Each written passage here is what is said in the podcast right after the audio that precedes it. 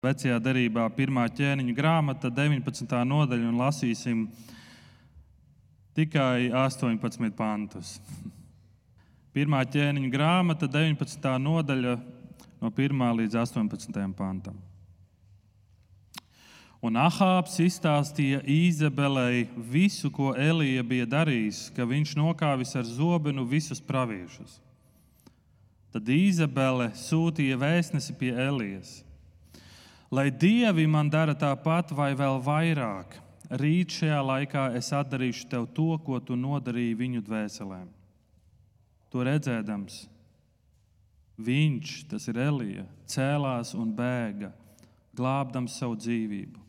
Un nonāca Jūdas bēršabā, tur viņš atstāja savu puisi, bet pats devās tuksnesī.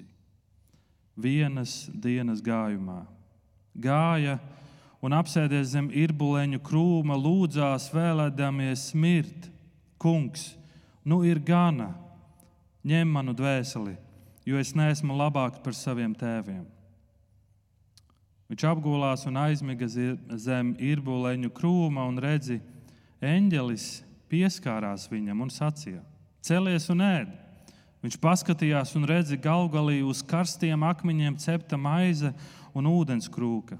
Viņš ēda un dzēra un atkal apgulās. Un kunga eņģelis nāca vēlreiz, pieskārās viņam un sacīja: Celies un ēd, jo tev ejams garš ceļš. Viņš cēlās, ēda, dzēra un gāja, stiprinājies, viņš devās ceļā. Viņš gāja 40 dienas un 40 naktis līdz dieva kalnam Horebam. Tur viņš pārnakšņoja kādā alā un redzi, kunga vārds nāca pār viņu Kāpēc tu esi šeit, Elija? Viņš sacīja, Degtines esmu iededzies par kungu, pulku dievu, jo Izraēla dēli ir atmetuši tavu derību, sagrāvuši tavus altārus un ar zobenu nokāvuši tavus praviešus. Es vienīgais esmu palicis, un tie tīko pēc manas dzīvības. Un tas viņam teica: Izej un stājies uz kalna kunga priekšā, un redzi, kungs gāja garām liels un stiprs vējš, kas kalnus aizpūš un klintis drupina, nāca kungam pa priekšu, bet kunga vējā nebija. Un pēc vēja nāca zemestrīce, bet kunga zemestrīcē nebija. Un pēc zemestrīces nāca uguns, bet kunga ugunī nebija. Un pēc uguns, kura pēc uguns klusa, čukstoša balss. Kad Elija to dzirdēja, viņš aizsedza seju ar apmetni. Izgāja un nostājās salas priekšā un redzi, balss viņam sacīja: Kāpēc tu esi šeit? Viņš sacīja, Degtin, es esmu iededzies par kungu, pulku dievu, jo Izraēla dēli ir atmetuši tavu derību, sagrāvuši tavus altārus un ar zobenu nokāvuši tavus praviešus. Es vienīgais esmu palicis un tie tīko pēc manas dvēseles. Kungs viņam sacīja, dodies atpakaļ pa to pašu ceļu tā, cauri tūkstnesim. Ej uz Damasku un svaidi Hazaēlu pār Arāmas ķēniņu, bet Jehu Nimšī dēlu svaidi par Izraēlu ķēniņu un Elīšu Šāfāta dēlu no Ābelma Holas svaidi par pravieti savā vietā. Ja kāds izbēgs no Hazēla zobena, to nonāvēs Jehus, kas izbēgs no Jehus zobena, to nonāvēs Elīša, bet es atlicināšu Izrēlā septiņus tūkstošus visus, kuru ceļi nav locījušies bālam, un visus, kuru mute nav viņu skūpstījusi. Mūsu šodienas vārds, panti, ko mēs pārdomāsim, un, un es aicinu, ka mēs varam. Uh, pirms mēs eh, skatāmies uz šiem pantiem, Dievu lūgt. Bet pirms mēs lūdzam Dievu, eh, paceliet roku, kuri no jums jūtaties, ka šis laiks tev ir tāds steidzīgs laiks. Aha. Diezgan steidzīgs. Varbūt prāts ir pilns. Un, un bieži vien, kad mēs sakām, lūgsim Dievu, vai tu savā dzīvē, vai savā ikdienā, kad tu lūdz Dievu, mēs to darām ātri. Bet šobrīd es gribu, kad uh, tu vari apsēsties, droši apsēties. Es vēlos, lai tu aizver acis un uh, mēs lūgsim Dievu, bet mēs nesteigsimies. Es gribu, lai, kad, mēs, kad tu aizver acis, droši aizver acis, es gribu, lai tu apzinājies vienu lietu. Dievs ir tepat. Dievs ir ar mani. Dievs ir šeit.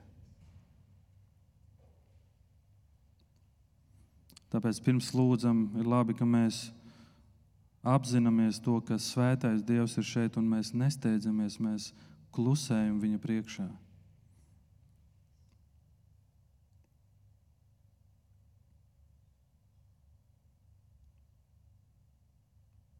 Svētais Dievs, mīļais Tēvs, kā mēs lasījām 125. psalmā.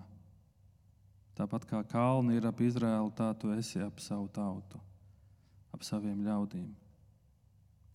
Tu esi ap mums, tāpat kā Vīlandai apkārt ir šīs mājas. Tu esi ar mums. Tad, kad tava Izraēla tauta nespēja pat izteikt to vārdu, bet tavs vārds ir Jahveh. Šo vārdu var izteikt ieelpojot un izelpojot. Tik tuvu tu esi ar mums, mūsu ielpā, mūsu izelpā. Paldies Tev par to. Es ļoti lūdzu, ka Tu šodien mums atgādini par sevi. Parādi mums, cik tuvu Tu esi mums. Un šodien, kad mēs šajā sniegotajā laikā dodamies uz tūkstnesi, māci mūs un parādi, cik tuvu Tu esi mums, cik ļoti tuvu Tu vēlies būt ikvienam. Svētī lūdzu savu vārdu. Jēzus, tavā vārdā. Un es ļoti lūdzu par tiem, kas skatās attālināti. Un es ļoti lūdzu par tām daudzajām ģimenēm, daudziem bērniem, kas ir slimībās. Es lūdzu, ka tu dziedini, ka tu pieskaries šajā brīdī. Un ka viņi sajūt tavu īpašo klātbūtni, ka tu esi ar mums. Paldies, Tev, debes Tēvs! Svētī mūs, lūdzu! Palīdz mums fokusēt savu skatienu uz Tevi. Tavā vārdā. Āmen! Āmen, atveriet acis, neuztraucieties. Šodien šī nebūs pirmā reize, kad tu aizver acis dievkalpojumā. Es jums to apsolu. Um,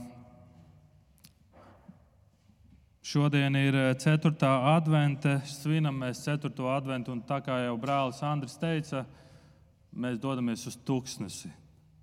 Mēs esam bijuši kalnos, mēs esam bijuši ielās, mēs esam bijuši aizņemtajās pilsētās un šodien mēs esam tūkstnesī.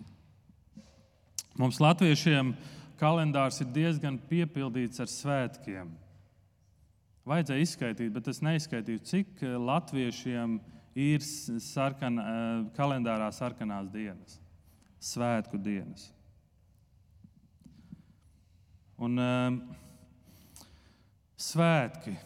Vai tu šajā laikā, šajā adventas laikā jūties kā svētkos? Tev ir sajūta, ir svētki. Ir sajūta. Daudz kādā tā kā jā, tā kā ne, nevar saprast, tā kā būtu jābūt, tā kā nē. Svētki ir kaut kas, ko tu atceries ar spilgtām un siltām atmiņām. Svētki nozīmē, ka cilvēki kaut ko svin, viņi kaut ko atcerās, viņi svin sasniegumus, Svētki nozīmē, ka svarīgi cilvēki ir ar tevi kopā. Svētki nozīmē, ka tā ir diena, kad tu neesi viens pats. Svētki nozīmē, ka tu neesi vientuļš. Un tad es domāju, cik daudziem, un es ne tikai domāju, bet es šīs domas secinu no daudzām sarunām ar cilvēkiem, cik daudziem svētki Un īpaši Ziemassvētki ir viena no visvientuļākajiem svētkiem. Kad cilvēks jūtas vientuļi un tieši svētkos. Vientulība tas ir tāds fenomens, atvainojiet, pandēmija, kas pēdējā 20 gadē tik strauji ir pieaugusi. Bet Covid-19 šo vientulības pandēmiju ir tāds sajūta vēl vairāk ir izplatījis.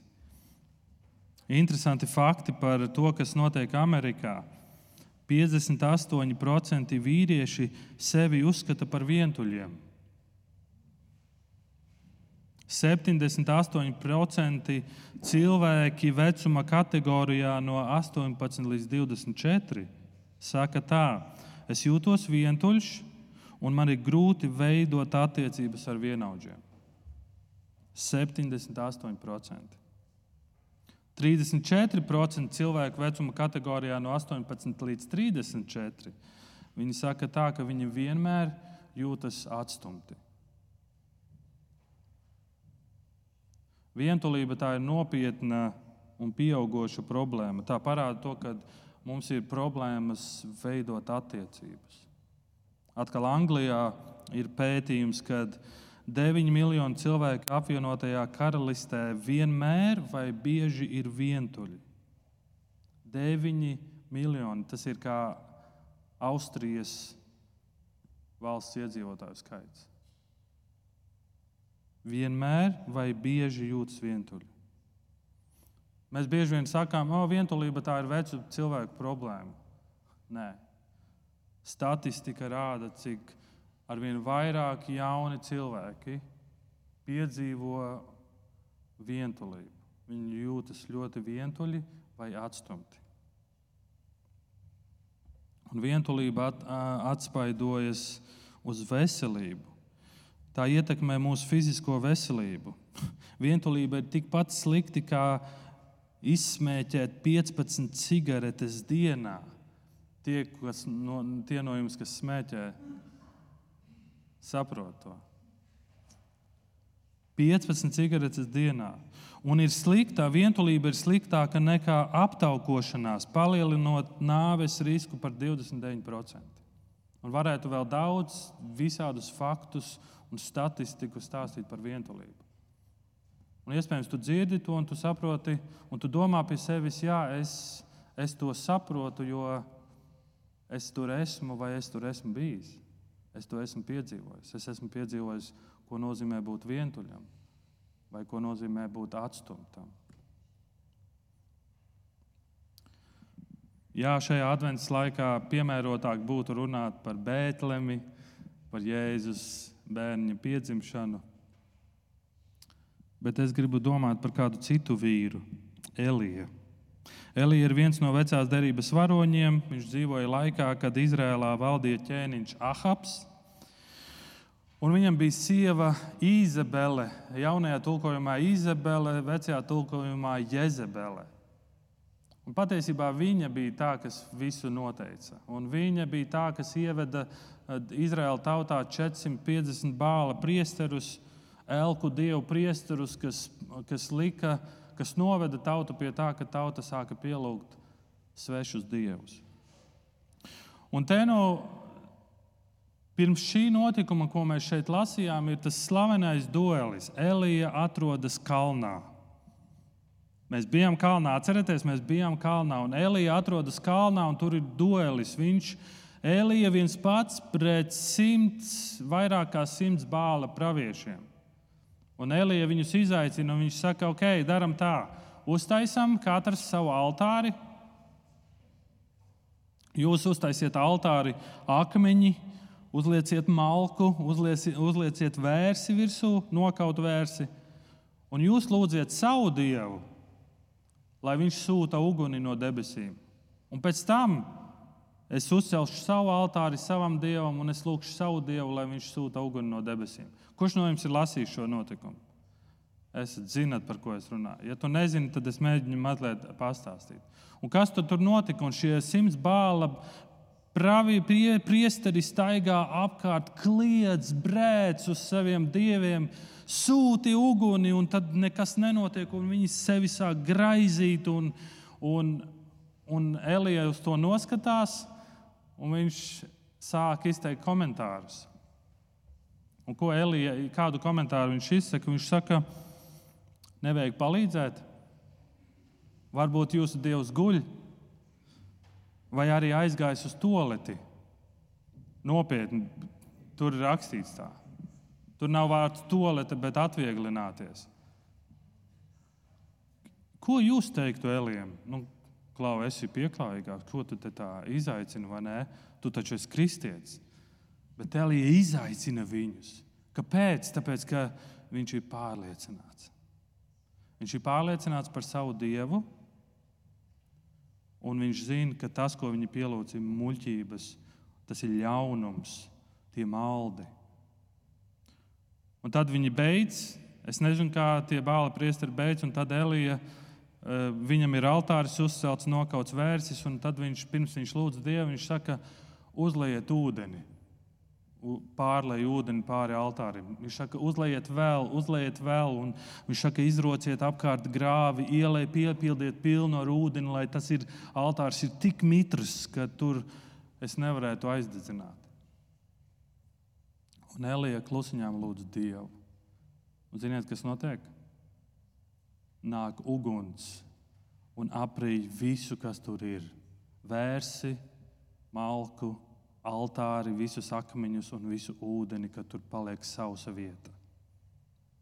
Dieva tauta ir apkārt, viņi visi to redz. Viņi visi to redz. Un viņi saprot, mēs esam pielūguši viltus dievus. Un Elija pavēl nogalināt visus bāla praviešus baigais slaktiņš tur patiesībā notiek. Bet tas, ko es, tas, ko es gribu, lai jūs ieraugat, Elija piedzīvo Dievu kalnā. Mēs bijām tur, Elija kalnā piedzīvo Dievu. Un tad šodien mēs lasām, ko mēs lasām? 19. nodaļā. Mēs lasām, kas ir tā reakcija, kas notiek tālāk ķēniņš, Ahābs, viņš to ierauga, viņš dodas atpakaļ uz savu pili un viņš pastāsta to savai sievai Jezebelei, kura patiesībā visu kontrolē. Un viņš pastāsta viņai, kas noticis, un lūk, kas ir ziņa, ko šī Jezebele sūta Elijam, šim pārliecinātajam dieva vīram. Pirmā ķēniņa 19.2. Jezebela sūta ziņu lai dievi man dara tāpat vai vēl vairāk. Rīt šajā laikā es atdarīšu tev to, ko tu nodarīji viņu dvēselēm. Elija no prezidenta pilsētas saņem nāves draudus. Rīt tu mirsi. Elija tikko piedzīvoja tādu piedzīvojumu ar Dievu kalnā Ko tu darītu, ja tu saņemtu tādus nāves draudus? Un mēs lasām tālāk eh, no 3. līdz 5. pantam Elijas reakciju. To redzēdams, viņš cēlās un bēga, glābdams savu dzīvību, un nonāca Jūdas bēršabā. Tur viņš atstāja savu puisi, bet pats devās tūkstnesī. Elija bēga. Viņš ir nobijies, viņš ir izmisis un viņš bēg uz tūkstnesi. Viņš nokļūst tūkstnesī. Viņš ir izmisumā un viņš tūkstnesī paliek viens pats. Tūkstnesis ir vientuļa vieta. Tūkstnesis ir vieta, kur grūti saredzēt virzienu tālāk. Tūkstnesis ir vieta, kur bieži tu nezini, kā izkļūt ārā. Elija ir tūkstnesī gan burtiskā nozīmē, gan garīgā nozīmē. Viņš ir noguris, viņš ir izmisumā. Un ko viņš dara tūkstnesī? Viņš lūdz Dievu, bet ko viņš Dievam lūdz? Viņš ir tik lielā izmisumā, tik lielā vientulībā, ka viņš saka, Dievs, pietiek. Es gribu mirt, man pietiek. Par tik lielu izmisumu mēs šeit runājam. Viss man pietiek. Vai tu esi bijis tādā vietā, vai stāvoklī, vai situācijā, kad tu saki, viss man pietiek? Varbūt tās ir attiecības, varbūt tā ir slimība, un tu pārstāji cīnīties un saki, viss man pietiek. Varbūt tu piedzīvo neveiksmes dzīvē, un tu pārstāji cīnīties par veiksmēm savā dzīvēm Cik reizes mēs esam piedzīvojuši, viss man pietiek, es to matemātiku vairs nemācīšos, paceliet roku, kuri to ir piedzīvojuši. Vai viss man pietiek, lai tās klavieres pašas spēlējas, viss man pietiek. Tās ir tādas mazas lietas. Bet ir bēdīgi dzirdēt, ka cilvēki laulībā saka, viss man pietiek. Es, es vairs nevaru turpināt. Es neredzu ceļu ārā, es neredzu risinājumu. Viss man pietiek. Vai arī draudzē kalpotāji, kas saka, viss man pietiek. Es tik ļoti esmu centies, neviens man nenovērtē, neviens man nepasaka paldies. Terēze daudzas reizes svētdienā nāk un šeit kalpo. Es nezinu, kā viņi jūtas. Varbūt viņi nejūtas vientuļi. Bet vai mēs pasakām viņai paldies? Ne tikai Terēze, bet ir arī daudz citi, kā piedod Terēze, kas uzmanību pievērš tev.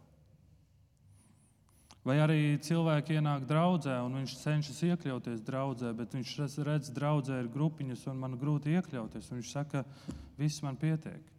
Es eju meklēt citu draugu.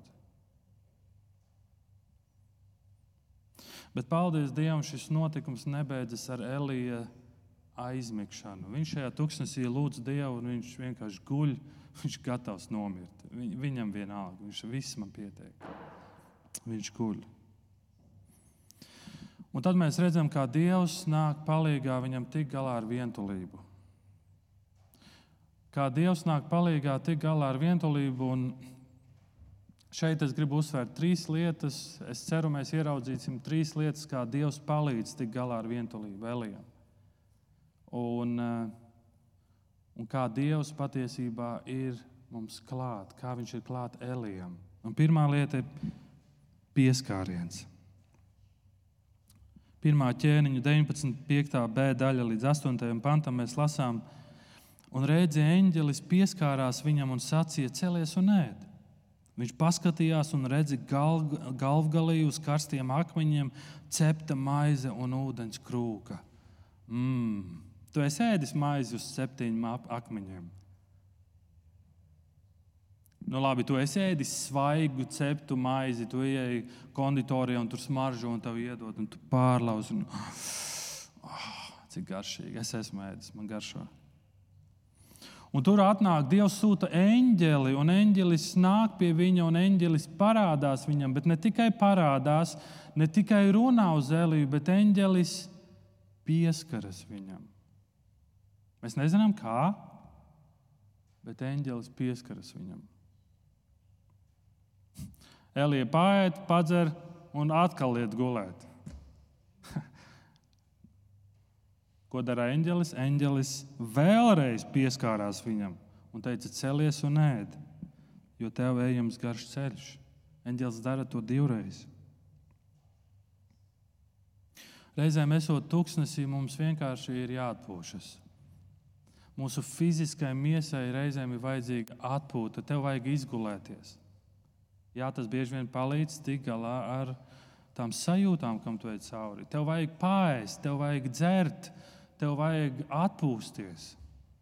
Un Dievs to visu zina. Bet es gribu uzsvērt šie, tieši šo pieskārienu. Eņģelis ne tikai pārēdina, ne tikai parādās, ne tikai iedrošina, viņš pieskaras. Mēs pat aptvert nespējam, cik pieskārienam ir ļoti liela nozīme. Mums šodien vairs nav jāievēro divu metru distance. Mēs varam runāties viens ar otru, mēs varam dalīties un mēs varam samīļot viens otru. Okay, bet šeit jābūt uzmanīgiem. Ne visiem patīk, ka tev nāk un tagad tev apkams vai nē. Džeki, būsim uzmanīgi. Tas, kā mēs baznīcā, ja tu gribi apkam, parasti no sāniņa mēs atnākam un sveiki, čau, vai nē. Un, bet tev arī jājūt, vai tas cilvēks vispār grib tā apkamties vai nē. Un, un, eh, tā kā esiet eh, prātīgi ar to. Ja es redzēšu, ka kādi džeki sāk tur vienkārši uzbāzties meitenēm, tad es noteikti pieiešu un parunāšu un teikšu, varbūt tā nevajag. Bet tā mana doma, ko es gribu teikt, pieskārienam ir svarīga nozīme. Pieskārienam ir svarīga nozīme. Es esmu cilvēks, man patīk pieskārieni. Es zinu, kādiem nē. Bet pieskārienam ir ļoti svarīga nozīme. Un patiesībā mēs pat nevaram iedomāties vai aptvert, ka bieži vien vienīgais pieskāriens, ko cilvēks saņem, ir draudzē, ir baznīcā. Iespējams, vienīgais pieskāriens nedēļas laikā. Mēs pat nevaram aptvert, kā tas var ietekmēt to, kā tu jūties un kā tas var palīdzēt tikt galā ar tavu tūkstneša vientulību.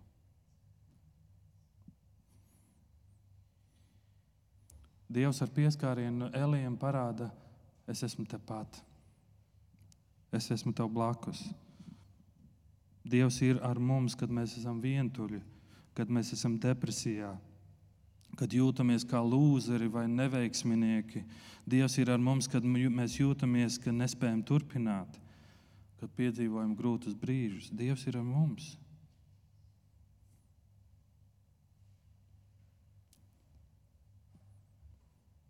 Dieva pieskāriens izmaina dzīves un vēstures notikumus. Dieva pieskāriens izmaina dzīves un vēstures notikumus. Daudzi no jums šeit, jūsu dzīves ir izmainītas, tāpēc, ka Dievs pieskārās jums. Tāpēc pieskārienu nenovērtē pārāk zemu. Taču daudzi teiks, bet es nevienmēr to jūtu, nevienmēr es to piedzīvoju.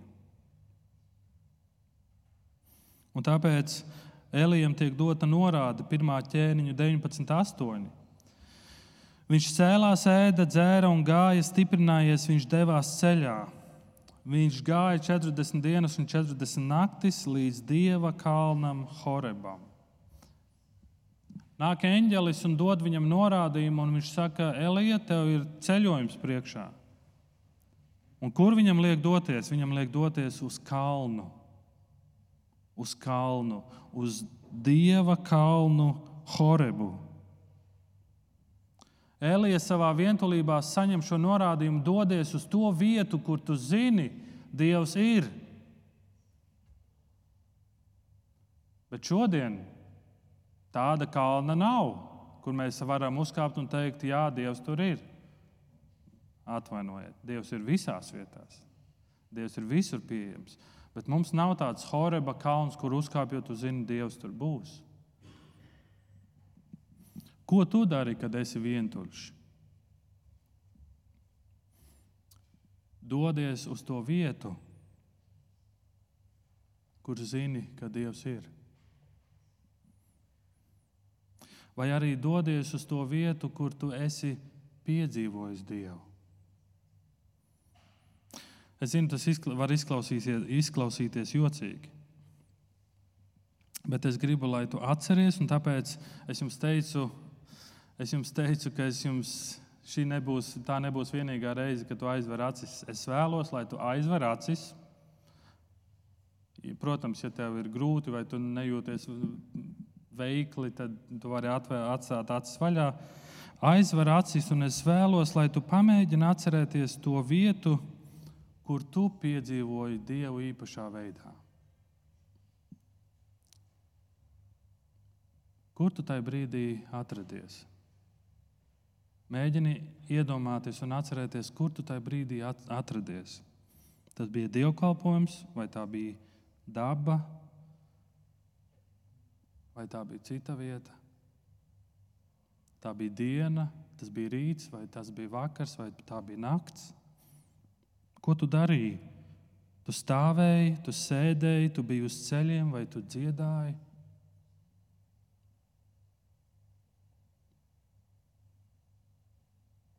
Kam tu tobrīd gāji cauri tajā brīdī?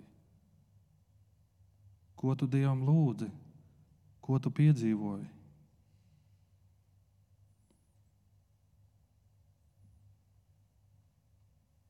Labi, tu vari atvērt acis.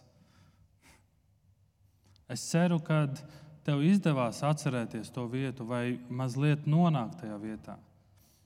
Es nezinu, varbūt tas tev bija pie dabas, varbūt tu sēdēji uz soliņa pie Daugavas un skatījies debesīs. Un tu biji izmisumā, un tu lūdzu Dievam, es nezinu, ko darīt tālāk. Man, man ļoti svarīgi, vienmēr, kad es aizveru acis un to atceros, tad tā ir lokācija, mazā pilsēta viesīte. Un tas ir tas dzīvoklis, kuru mēs īrējām, un tā ir nakts, un tas ir aiz, aizkrampētas durvis, atvērti aizskari. Es uz ceļiem pie loga skatos zvaigznēs un runāju ar Dievu. Tā ir mana vieta, kur es vienmēr gribu atgriezties. Tāpēc mājās bieži vien, kad meitenes ir noliktas gulēt, es parasti aizēju uz tumšo telpu, kur aizskari ir vaļā naktī. Un es skatos mākoņos, un es runāju ar Dievu. Kāpēc? Tāpēc, ka tā ir mana vieta, kur es gribu atgriezties pie tiem brīžiem, kad es visvairāk Dievu piedzīvoju. Un tāpēc Dievs saka, eņģelis dod norādījumu Elijam, ej uz to kalnu, kur tu piedzīvoji Dievu, atgriezies tajā vietā. Centies atgriezties tajā vietā. Un darīt varbūt tās pašas lietas, varbūt uzslēdz to pašu mūziku, kas tobrīd tevi ļoti uzrunāja. Dodies uz šo vietu. Un vēl viena lieta, kas palīdz aizved sevi tur, kur ir cilvēki, kas tavā dzīvē ienes dievu mieru.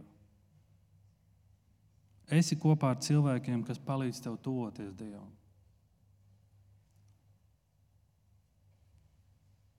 Šodien pēc dievkalpojuma mums būs iespēja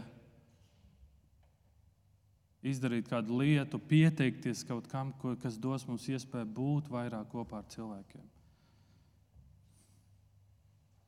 Esi kopā ar cilvēkiem, jo Mateja 18.20 mēs lasām Jēzus vārdus. Jo kur divi vai trīs ir sapulcējušies manā vārdā, tur arī es esmu viņu vidū. Tāpēc es ar tādu pārliecību šodien varu teikt, draugs, Dievs ir mūsu vidū. Jo mēs esam vairāk kā divi vai trīs, un mēs esam sapulcējušies Dieva vārdā. Ok, dodamies tālāk. Interesantā klusā balss. 1. ķēniņa 19, 9 līdz 10. Kad viņš devās uz kalnu, tad tur viņš pārnakšņoja kādā alā un redzi, kunga vārds nāca pār viņu. Kāpēc tu esi šeit, Elija? Viņš sacīja, Degtin, es esmu iededzies par kungu, pulku dievu, jo Izraēla dēli ir atmetuši tavu derību, sagrāvuši tavus altārus un ar zobenu nokāvuši tavus praviešus. Es vienīgais esmu palicis, un tie tīko pēc manas dzīvības. Lūk, kas notiek, kad tu esi vientuļš. Bieži vien tu saki, es vienīgais tāds esmu. Es vienīgais kaut ko tādu esmu piedzīvojis. Neviens man nesaprot. Neviens nav gājis kaut kam tādam cauri, kā es esmu gājis. Un tad no 11. līdz 14. pantam Dievs kaut ko dara. Un tas, ko viņš dara, viņš ļauj Elijam piedzīvot kaut ko tādu, ko mēs iespējams redzam tikai kino filmās. Un redzi, kungs gāja garām. Liels un stiprs vējš, kas kalnus aizpūš. Iedomājieties, vējš, kas aizpūš kalnus.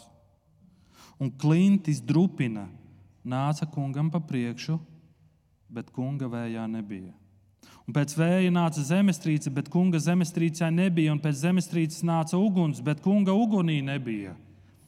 Un pēc uguns klusa, čukstoša balss. Interesanti saruna ar Dievu, vai ne? Un interesanti redzēt, kā Dievs palīdz Elijam tikt galā ar vientulību. Tur ir vētra, Tur ir zemestrīce, tur ir uguns, un dieva tajā nebija. Un pēc tam ir klusa balss.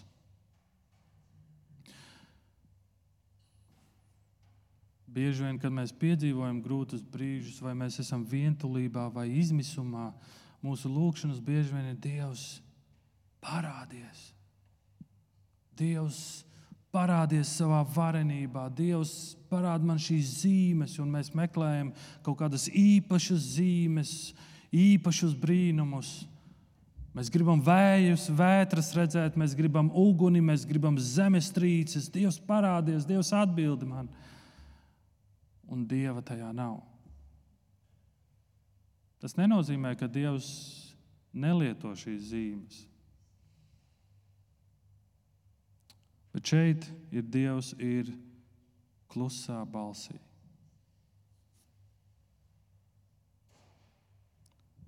Dievs ir klusā, čukstošā balsī. Un vai Ziemassvētku stāsts nav par to? Dievs nāk uz šo pasauli klusā, čukstošā balsī. Nevis kā zemes ķēniņi nāk, nekādas taures un kori, nu labi, izņemot eņģeļu kori ganiem. Labi, tur bija noteikti ska, skaļi. Bet citādāk Dievs nāk klusi un nemanāmi. Tik klusi un nemanāmi, ka cilvēki jautā, vai tas tiešām notiek tagad, vai tā ir patiesība. Kas vispār to pamana, ka tur ir Jāzeps un Marija, kuri meklē vietiņu, kur, kur dzemdēt? Kas to vispār pamana? Neviens, un tur mazā kūtiņā, silītē ap lopiem Tik klusi un nemanāmi Dievs nāk uz šo pasauli.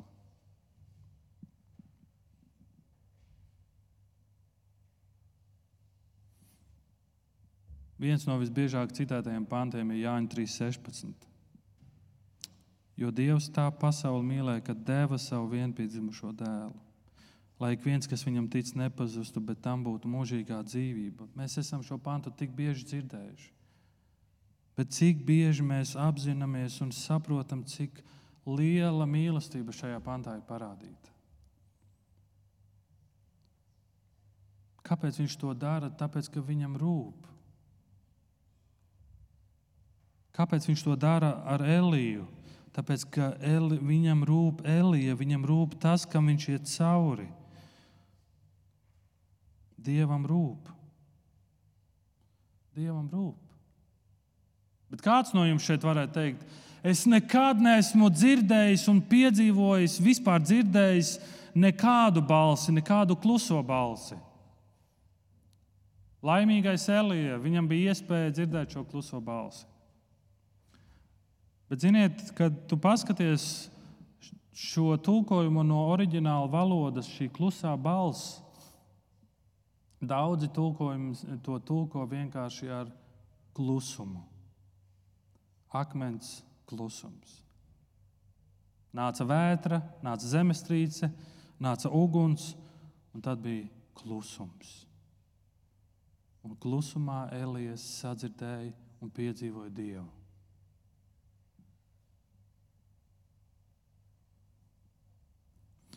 Dieva kara ieroči un reliģiskās attīstības instrumenti nav mīsīgi, bet garīgi. Dieva ieroči nav mīsīgi, bet garīgi. Ne ar uguni, zobenu vai kaušanu, bet ar klusu, slepenu balsi, kas runā uz sirdsapziņu. Dievišķais klusums nevienmēr nozīmē dievišķu bezdarbību. Kad Dievs tavā dzīvē klusē, tas nenozīmē, ka Viņš neko nedara. Bet mēs varētu teikt, pagaidiet, Elija tikko bija tuksnesī, kur viņš bija vientuļš, tur noteikti bija klusums. Bet noteikti ne klusums viņa prātā. Viņš sev stāstīja tik daudz melus, tik daudz nepatiesības par sevi, kur viņš atrodas un kādā situācijā viņš atrodas. Viņš noteikti ne, neticēja, ka Dievs ir ar viņu. Un Caharijas 4. nodaļā ir vēl kāds vīrs, Dieva vīrs, kuram ir saruna ar eņģeli. Un šajā un šis vīrs redz parādību, un viņš jautā, kas tas ir, un eņģelis viņam atbild.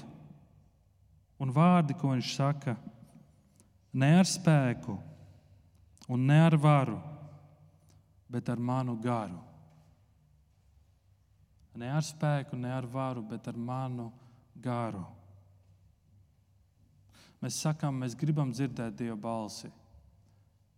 Bet mūs, mēs esam tik aizņemti, ka mums nav laiks vienatnē ar Dievu. Mums nav, mēs neklausāmies, mēs, mēs steidzamies. Tāpat kā lūkšana bieži vien, ah, Dievs, paldies, jā, paldies par ēdienu, svētī šo dienu, un, ču, un bums, un mēs skrienam. Un tu dodies gulēt, tu esi pārguris, un tev ir tik daudz pienākumu. Tas viss ir saprotams. Un tad tu atceries, oh, es šodien nepielūdzu. Oh, mīļais Tēvs, paldies par šo dienu. Āmen, gulēt. Vai arī kuram no jums ir bijis tā, ka tā meitenes, bērni vai džeki, kuram jau kādi bērni ātri nākam, nākam, lūkšana un gulēt. tā ir bijis mūsu ģimenē. Tā viss pietiek, nākam uz lūkšanu un gulēt. Čop, čop, čop, visu vajag ātri, vai ne? Jo jādodas gulēt. Un, un vai es palīdzu saviem bērniem palikt klusumā ar Dievu, mācīties, klausīties? Vienatne ar Dievu nav tas pats, kas vientulība. Vienatne ar Dievu nav tas pats, kas vientulība. Tu vari būt tuksnesī, bet tu vari būt vientuļš. Vai tu vari būt tuksnesī, bet tu vari būt vienatne ar Dievu. Kur tu dzirdi Dievu, piedzīvo Dievu klusumu, piedzīvo Dievu mieru, piedzīvo, kā Viņš runā klusā balsī uz tevi. Un piedzīvo, Jā, Dievs ir ar mani.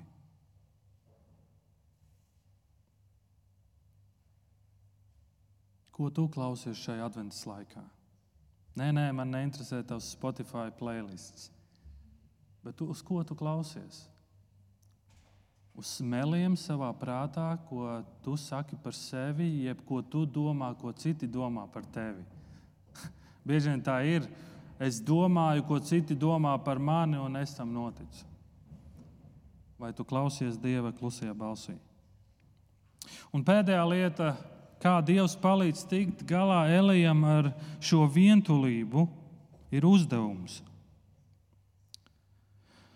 Un ir šie no 15. līdz 18. pantam sarežģīti vārdi visādi, bet Dievs dod viņam uzdevumu doties atpakaļ pa to pašu ceļu cauri tūkstnesim uz Damasku un svaidi Hazazēlu par ārāmas ķēniņu, un tad viņš dod visādas norādes. Elija ir kalnā, viņš bija tūkstnesī. Eņģelis saka, dodies uz kalnu, viņš nonāk kalnā, un Dievs atkal viņam uz ru, viņu runā klusā balsī, un tad viņš saka, un dodies uz tūkstnesi. Dodies uz tūkstnesi, uz Damaskas tūkstnesi. Cik interesanti. Dievs Eliju sūta atpakaļ uz tūkstnesi. Um, Kas te nav kārtībā? Atkal tūkstnesis. Bet šajā, šajā kalnā Dievs saņem izmaiņas, viņš sastopas Dievu atkal. Un šoreiz viņš sūta Eliju ar noteiktu uzdevumu, ar noteiktu mērķi. Kā Elija tiek pāri savai vientulībai, Dievs nāk un viņam palīdz. Kā viņš palīdz Tā ir Dieva klusā balss, un tas ir uzdevums. Es esmu piedzīvojis, kā daudzi mani draugi un radi ir pazaudējuši darbu. Kurš no jums kādreiz ir pazaudējis darbu? Paceliet roku. Vai aizgājis no darba, vai bijis bez darba?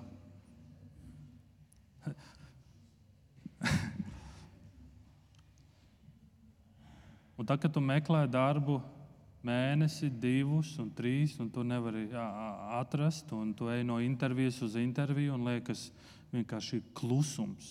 Nevienam neinteresē.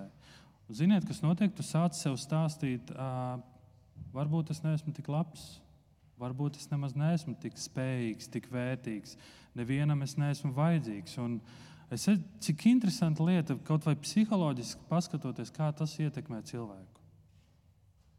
Es atceros manu mammu, kad viņa meklēja darbu. Es atceros kādus draugus, savus radus. Tas ļoti ietekmē, un cilvēki ļoti sāk sev melot. Un tad tu redzi, un viņi atrod darbu. Pēkšņi visi meli, visi vienkārši Woo! prom.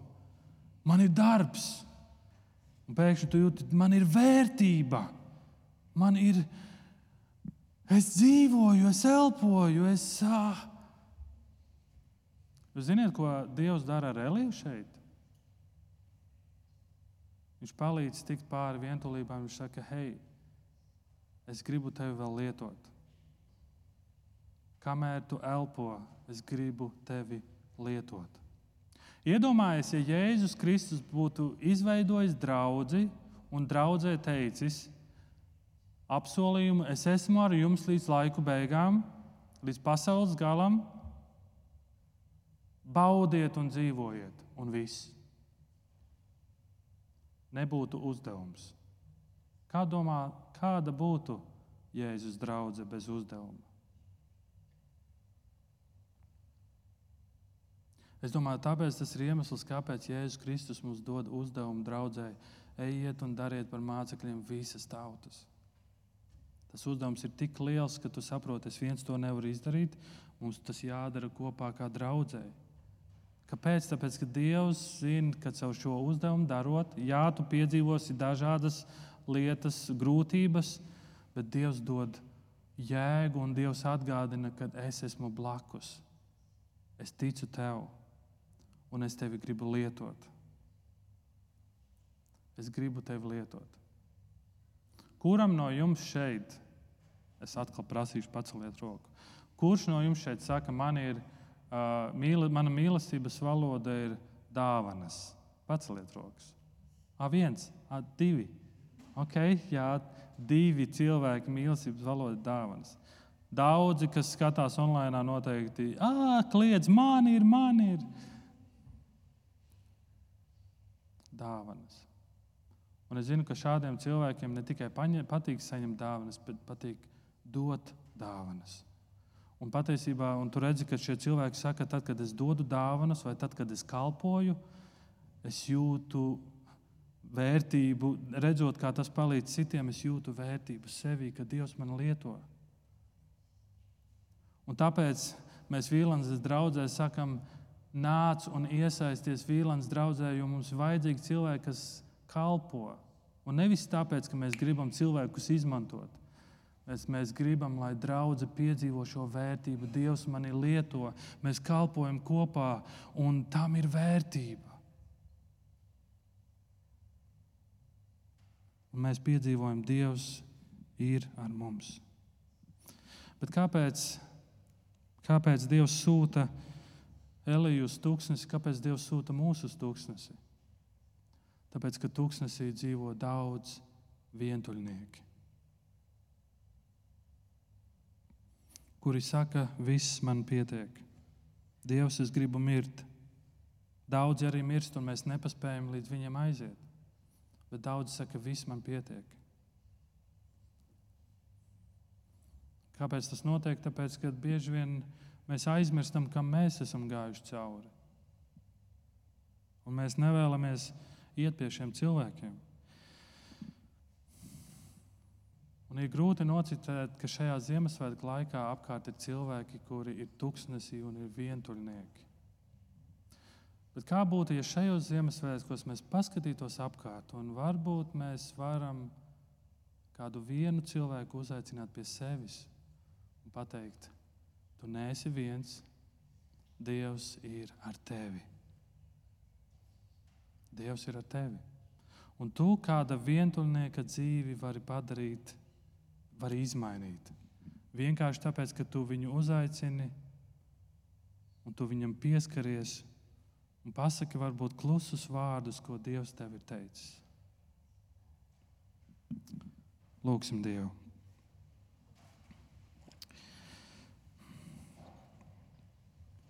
Mīļais debes Tēvs, mēs